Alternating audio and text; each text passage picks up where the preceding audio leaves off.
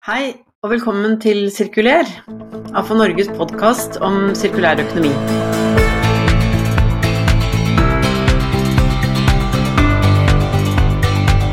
Mitt navn er Nancy Strand, og i dag har vi med oss Kristoffer Vestli, som eh, vel for de fleste er kjent eh, for å jobbe med i Miljødirektoratet, men nå jobber han i EU-kommisjonen i Brussel. Så velkommen til deg, eh, Kristoffer. Tusen takk. Du, eh, eh du jobber i EU-kommisjonen nå, eh, sitter i Brussel og har, eh, har håper å si flere titler, men som, som fra norsk side så er du såkalt nasjonal ekspert. Hva betyr det? Ja, det altså Jeg bare påpeke én ting. Jeg er jo fortsatt ansatt i Miljødirektoratet. Eh, det er, jeg skal tilbake dit, så det gleder jeg meg til. Men, men eh, på litt sånn, litt sånn, utlån da, som nasjonal ekspert. Ja, ikke sant. Um, du, det betyr at uh, norske myndigheter sender uh, ansatte fra ulike deler av statsforvaltningen til uh, EUs institusjoner på korte perioder. Alt fra tre-fem måneder til flere år. Um, I ulike posisjoner, da. Um, en nasjonal ekspert, uh, nå er det vel sånn ca. 40 nasjonale eksperter i EUs institusjoner um, plassert rundt omkring. det betyr at norske myndigheter uh, står for arbeidskontrakt, lønn og uh, liksom de praktiske ordningene.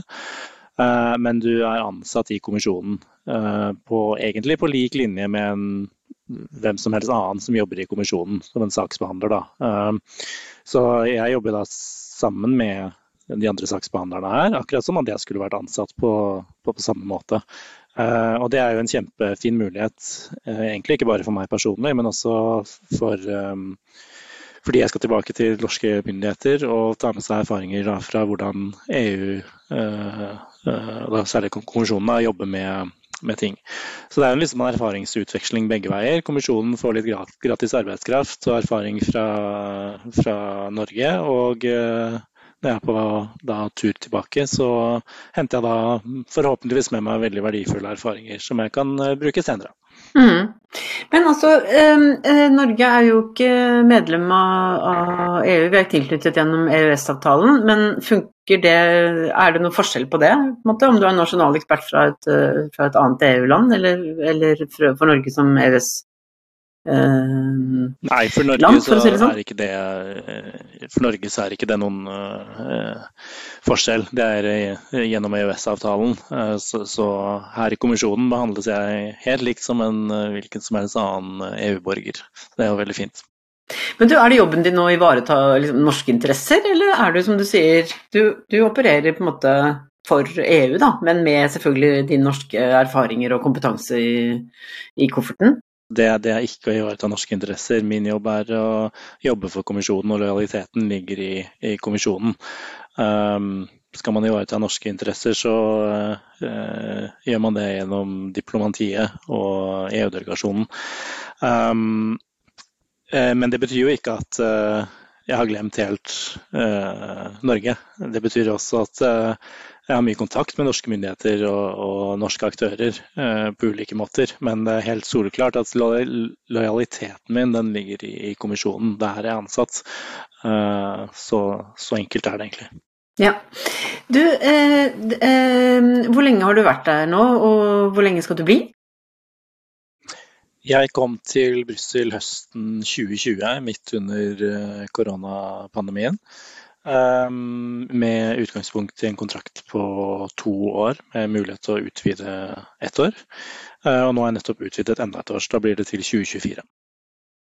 Ja, Betyr det at du trives i Brussel og føler at det her er, det er et godt liv? Jeg trives veldig godt i Brussel, gjør det. Um, ikke bare fordi at man jobber i en, en spennende organisasjon med, med, fine kolleger og et hektisk arbeidsmiljø, men også fordi at altså, det er annerledes å bo Eh, ute, jobbe i utlandet, andre rammer, eh, annen kultur. Um, fint også på det private, fordi jeg har med meg familie, og vi får oppleve masse, få nye, ny nettverk. Så sånn totalt sett så er det en, en veldig bra, intens, men veldig bra opplevelse. Mm. Men du, du, ser jo nå EU-kommisjonen fra, fra, innsiden, og, og, sjefen i Miljødirektoratet, Ellen Hambro, mm, sa jo at nå, det kommer en tsunami av, av nytt regelverk fra, fra, EU. Vi skal snakke om litt av det. Men, men sånn, hvordan opplever du at uh, når du er på innsiden, hvordan opplever du måten EU-kommisjonen jobber på, og hvordan uh, liksom, hele EU-systemet fungerer? liksom sånn Eh, hvordan ser det ut fra din kant? Ja, eh, Den tsunamien den eh, er det flere her også som, som snakker om. Mye av dette altså, politisk bestemt, og leveransene må jo da gjøres av oss i, i forvaltningen her, i, i, kommisjonen.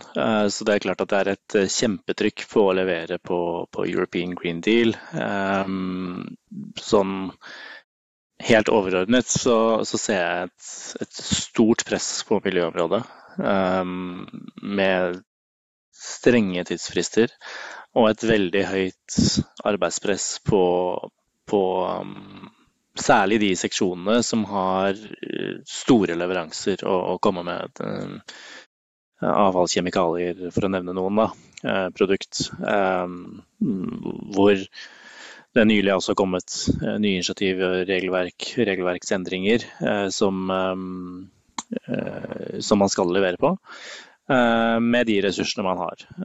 For det har også vært noe begrenset med, med ressurser knytta til DG Environment, der hvor jeg er.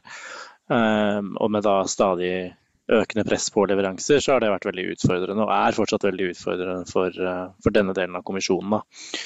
Um, når det gjelder liksom mer arbeidsmetodene, hvordan man gjør det, så um, er det egentlig litt sånn som man kan kjenne igjen i andre organisasjoner og, og norsk forvaltning. Altså man har noen politiske mål og uh, leveranser.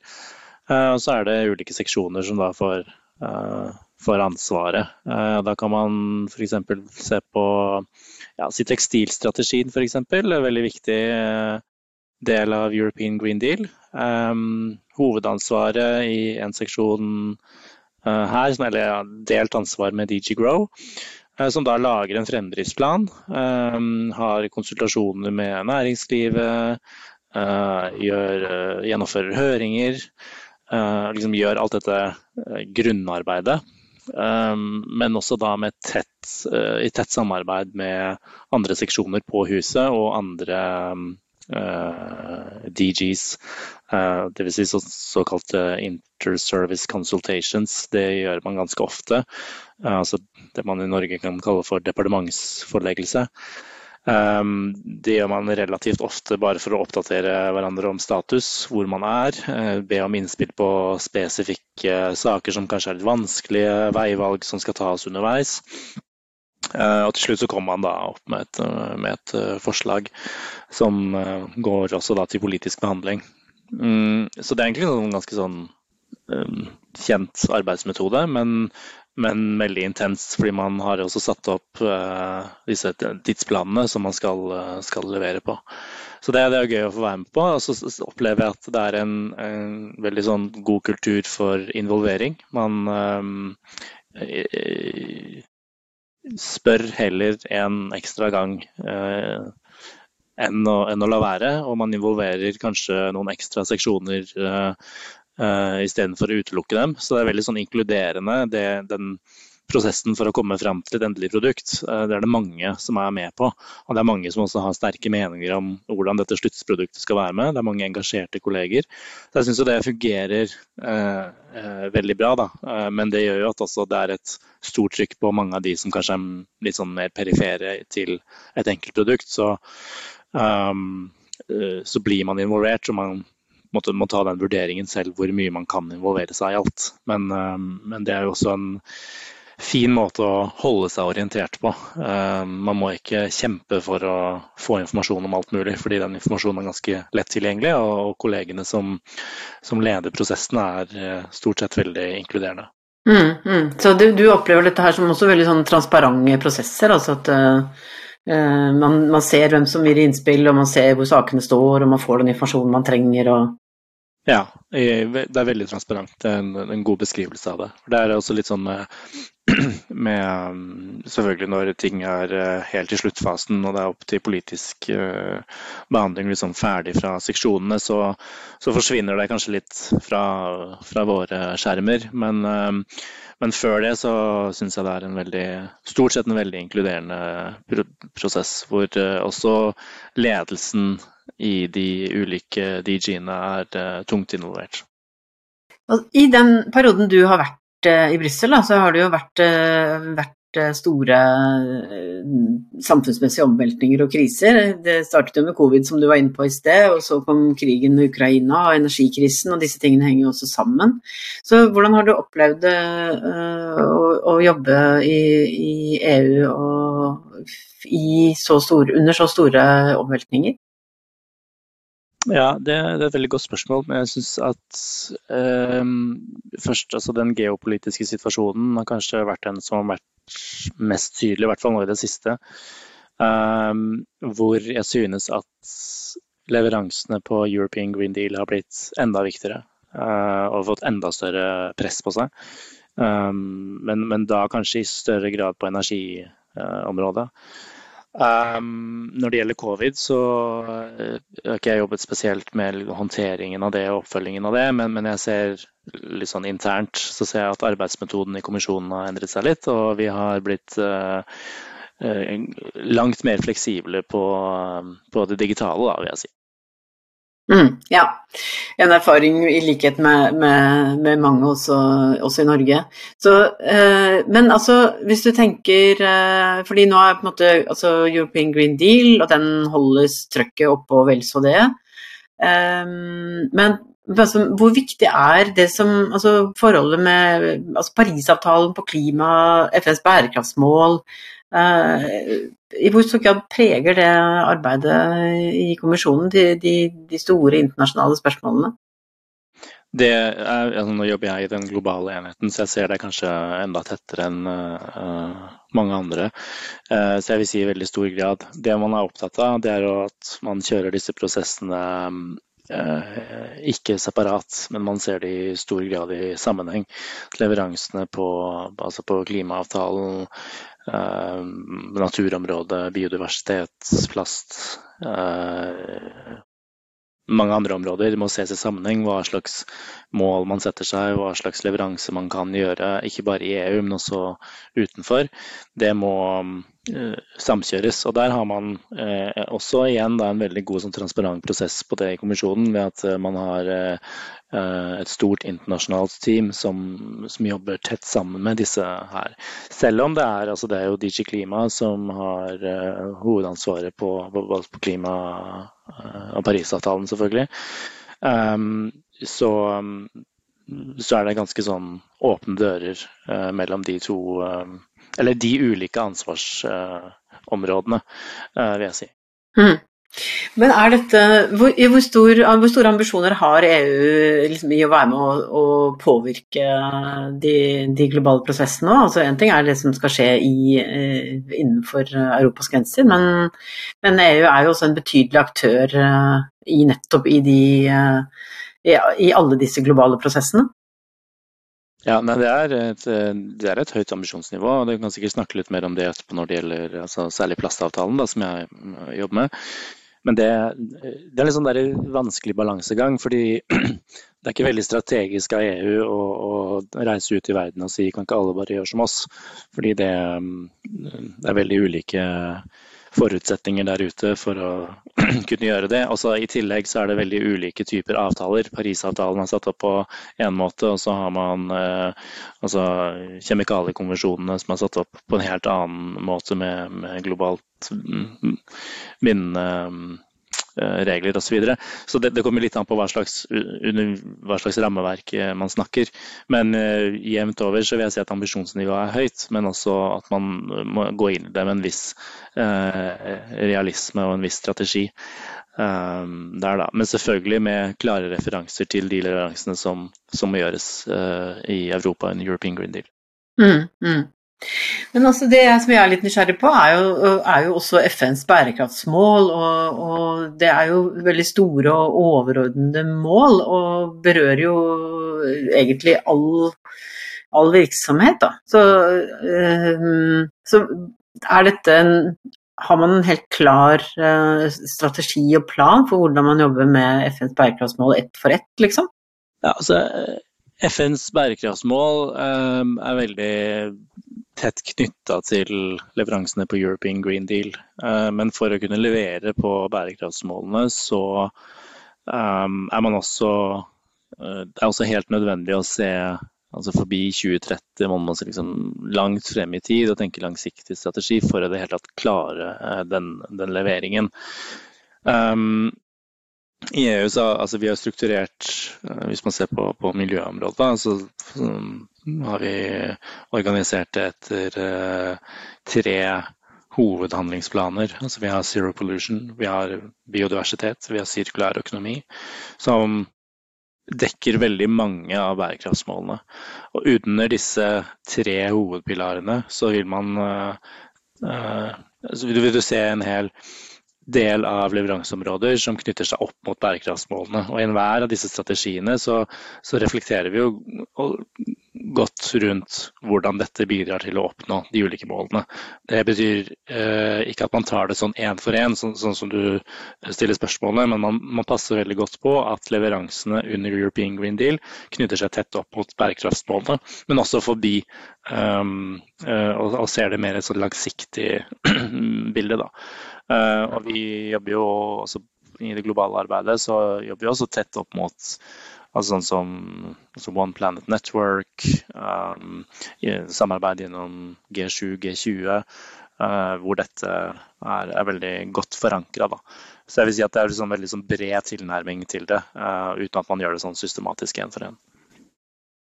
Men, altså, jeg har lyst til å høre litt eh, mer om, om disse, noen av disse enkeltsakene som går nå. Da. Så det er jo ikke alle du er så direkte involvert i, men, men jeg tenker den, en, det er jo en veldig spennende utvikling innenfor sirkulærøkonomien hvor, eh, hvor man liksom startet med Veldig mye handlet om avfall og krav til materialgjenvinningsmål osv. Krav til utsortering, og det er jo der fortsatt. Men nå beveger vi oss også mer og mer over i produktsfæren. Da. Så kravene til, til, produkter og sustainable product uh, Er det strategi, eller er det Altså, hva blir dette? Hva, hvor, hvor, uh, hvor, står vi nå? Hva, hva, hvor ambisiøse uh, klarer EU å, å, få dette til å bli? Mm, jeg synes det var en god refleksjon det du sa med at man gjennomførte og gjorde mye på avfall den første sirkulære økonomihandlingsplanen, at man kanskje setter et mer sånn skifte over mot produkt og oppstrøms uh, nå. da. Uh, det er jo helt riktig. Og med, med da senest uh, Nå er det to sånne sirkulære økonomipakker i år. Da, denne marspakken, som i hovedsak gikk på, på bærekraftige produkter. og også tekstilstrategien som jeg nevnte. så har du denne novemberpakken som kom nå den 30. med både altså green claims med, med, bioplast og på endringen av emballasjedirektivet. Så nå blir en forordning. Da. Um, helt soleklart, hvis jeg skal bare si litt om um, produktregelverket uh, først, og de endringene som, som, skjer der, så er det jo helt avgjørende at um, de produktene som settes på uh, markedet i EU i mye større grad er uh, gjenbrukbare, reparerbare, oppgraderbare Eh, og at det er bedre produktinformasjon til eh, forbrukerne. Eh, at det stilles en mer krav til produktene som baserer seg på sirkulære økonomiprinsipper og ikke bare energi, som man har sett i økodesigndirektivet fram til nå. Det er derfor man har en endring av, av det. Men, men, dette er liksom steg én, så det vil være en sånn stegvis tilnærming, hvor man um, går mer inn på detaljnivå etter hvert. En viktig del her også, som knytter seg mer til produktinformasjon, er dette Digital Product Passport, som uh, skal kunne gi mer informasjon om produktet og hva produktet inneholder gjennom hele verdikjeden. Ikke bare til forbrukeren, men også til den som selger produktet, den som skal reparere produktet. Um, der er jo ikke detaljene på plass overhodet. Det er diskusjoner med medlemslandene og med parlamentet om hvordan dette skal fungere i praksis. Og det vil også uh, kreve litt uh, ja, både teknisk kompetanse og uh, innovasjon for å få dette til å fungere helt sånn optimalt. Men, men tilbakemeldingen så langt har jo vært veldig godt, også gode. og så er det viktig å huske på hovedintensjonen her. Bedre informasjon med transparente produkter som, som settes på markedet. Så det er litt sånn sammensatt, det, dette med, med, produktene og produktregelverket. Sørge for at um, innhold av sekundære råvarer uh, går opp. Sørge for at det er uh, produkter som varer. Uh, sørge for at det er produkter som lar seg reparere. At det er tilgjengelig for forbrukere. Det er mye som kan gjøres der. Dette var steg én. Um, og så ser man jo da, hvis du ser på da, emballasjeregelverket f.eks., som kom nå en forslag til endring da 30.11. Um, hvor man ser at emballasjeavfallsmengden i EU øker veldig. Og med, selv med dagens praksis så vil man sette en, en, en massiv økning fram til, eh, til 20 2030. Skal vi se hvor mye var det snakk om her, da. Jeg hadde skrevet her. Det var hvis man ikke gjør noe, så vil uh, mengden øke med 46 uh, eh, innen 2030, var det. Uh, så det er klart at selv om man da får en økt materialinnvinning, så er det ganske store avfallsmengder. Og det betyr at um, man også må se litt på andre ting. Kan man øke ombruk uh, i større grad. Og det, liksom, det, det, dette regelverksendringen har uh, villet adressere. Da. Um, få mer gjenbrukbare produkter, um, gjenbrukbar emballasje, stille krav til, um, til retursystemene. Et, et, et, et spennende, spennende, element som du var innom nå, dette med sånne digitale produktpass. Digital Product Passport. Um, hva, hva, det er jo et åpenbart et krevende område, så hva, liksom, hva, er neste trinn på den utviklingen av en sånn type løsning? Eller løsninger, er det vel antagelig? Ja, det, det er nok riktig å si løsninger, ja. Um, det, altså, det som skjer nå, eh, det er at det er diskusjoner med medlemslandet og parlamentet om hvordan dette skal fungere i praksis. Og Da har det vært mange spørsmål. Og det, det vil fortsette å komme mange spørsmål fra, fra medlemsland og fra, fra, parlamentet, og sikkert også fra, fra næringslivet. Um, og, og, det tenker jeg liksom også illustrerer liksom dette at vi er i steg én. Eh, vi har ikke alle svarene, men vi ønsker at det skal gå i den retningen. Så når dette kommer til liksom endelig til å være på plass og implementert og fungere helt optimalt, det er vanskelig å si. Men det som er viktig å understreke, da, det er jo at det er jo allerede en del eh, eksempler på prosjekter hvor dette er gjennomført, med, med, god informasjon om produkter, god informasjon om altså, merkeordninger, som dere kjenner til godt, um, og hvordan dette kan gjøres. Så, så her ser jo kommisjonen på uh, alle, god praksis uh, som finnes i næringslivet allerede. Og så må man bygge opp noe som er kanskje litt mer harmonisert og kan brukes overalt for å finne den optimale løsningen. Da. Så eh, kan ikke si når alt er på plass, men, eh, men eh, steg én er godt i gang. Og det er gode tilbakemeldinger så langt fra de fleste, så det, det lover jo bra, da. Mm. Men du, er dette her med, altså det, et, det, har jo vært et spennende prosjekt i Norge um, hvor man, så, så, vidt jeg vet, har brukt, prøvd å bruke QR-kode f.eks. Altså at man bruker resirkulert plast, og så merker man det ferdige produktet med en kode som sier at da får du informasjon om hvor plasten kommer fra, og hvor stor andel resirkulert osv. Så, videre. så, så, uh, så denne type norske løsninger, da, er det, sånt, er det et mulighetsrom her også for, uh, for, aktører som har lyst til å, å være med og, og klekke ut disse eh, nye løsningene og være på det kommersielle markedet? da? Ja, absolutt, og det vil jeg oppfordre sterkt norske aktører til å være på. Et eksempel er jo dette Altså eh, merkeordninger for avfallshåndtering, som Norge og altså Norden også har gått foran. Hvor jeg også har sett i flere interne dokumenter i kommisjonen referanser til, til, det. Og det gjenspeiles også i det mm, den sirkulære økonomipakken som kom 30.11, hvor det spesifikt refereres til. Eh, og Det viser jo egentlig bare at eh, det er mange områder hvor Norge kan spille inn og ha mye bra kompetanse.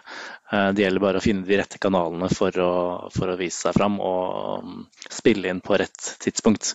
Så det, mm, det, er veldig viktig. Og Der kommer man litt tilbake til den der rollen min igjen som nasjonalekspert. Det kan jeg, selv om lojaliteten min ligger i kommisjonen, så er det jo helt fint for meg å kunne gi råd til norske aktører om nå kan det være lurt å spille inn der, og nå skal det være en høring sånn og sånn, der burde dere spille inn på den og den måten.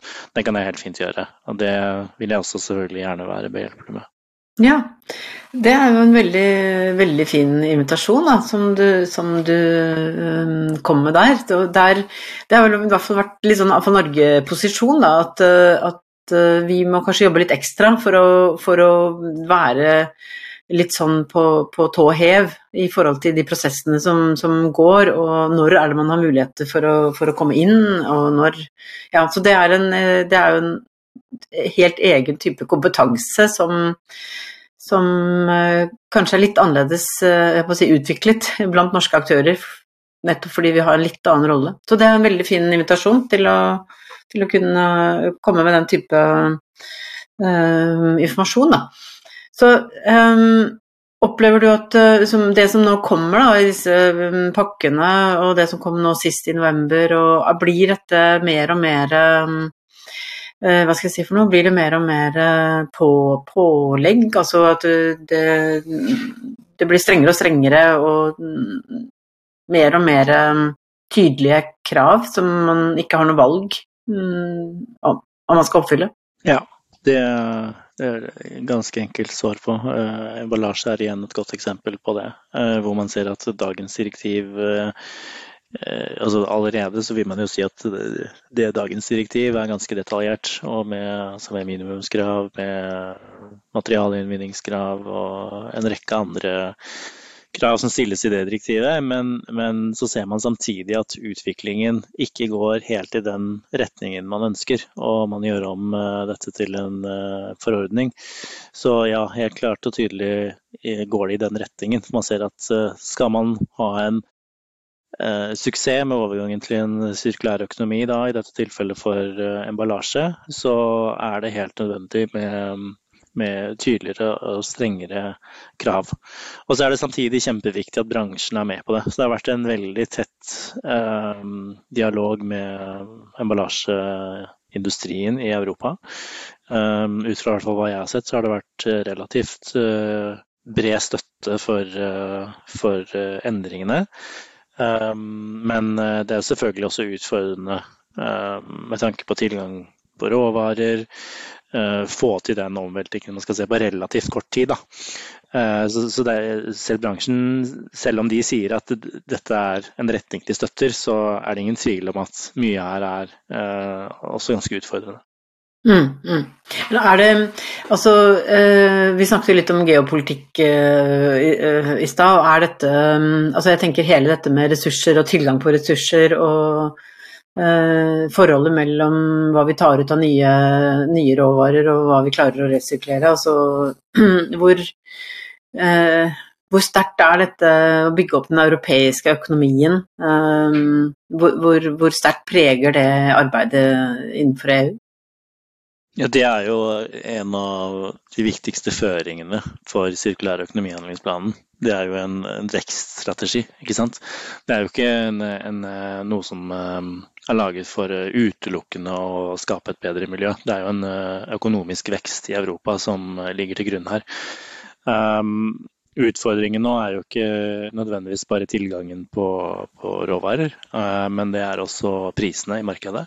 Energiprisene, uh, som er kjempeutfordrende for, uh, for industrien.